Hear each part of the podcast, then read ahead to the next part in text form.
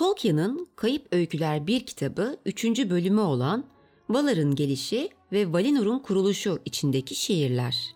Yıldızlar altındaki Habbanan Habbanan, insanlara ait olmayan yerlere yakın bir bölgedir. Orada hava çok tatlı ve gökyüzü dünyanın genişliği yüzünden çok yücedir. Göklerin altındaki Habbanan'da tüm yollar biter orada, nice uzun olsalar da. Orada baygın gitarların sesleri vardır ve bir şarkının yankıları uzaklardan gelir. İnsanlar halkalar halinde toplanmıştır orada. Biri şarkılar söylerken kızıl ateşlerin etrafında ve her taraf gecedir. Benzemez bizimkine, mutsuz halkın gecesine. Puslu engellerin içindeki dünyaya yakın olan. Yıldızlardan saçılan bir sis, ince ve dolaşan bir duman izleri.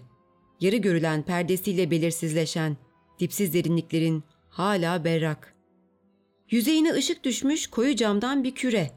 İhtişamlı rüzgarların karanlık uçuşlarını yaptığı. Güzel kokulu bir düzlüğün el değmemiş bölgeleri. Batalı çok olmuş bir aya doğru bakıyorlar ve meteorların ateşli yağmuruna yakalanıyorlar.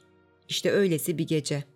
Orada yüreğim anladı ki aniden, Arife gecesi hakkında şarkılar söyleyenler, yanıtlayanlar parlak ışıltılarını yıldızların, tuhaf gitarlarının ışıldayan müziğiyle, onlar onun oğullarıydı gezinip duran. O havadar çayırların üzerine kamp kuran.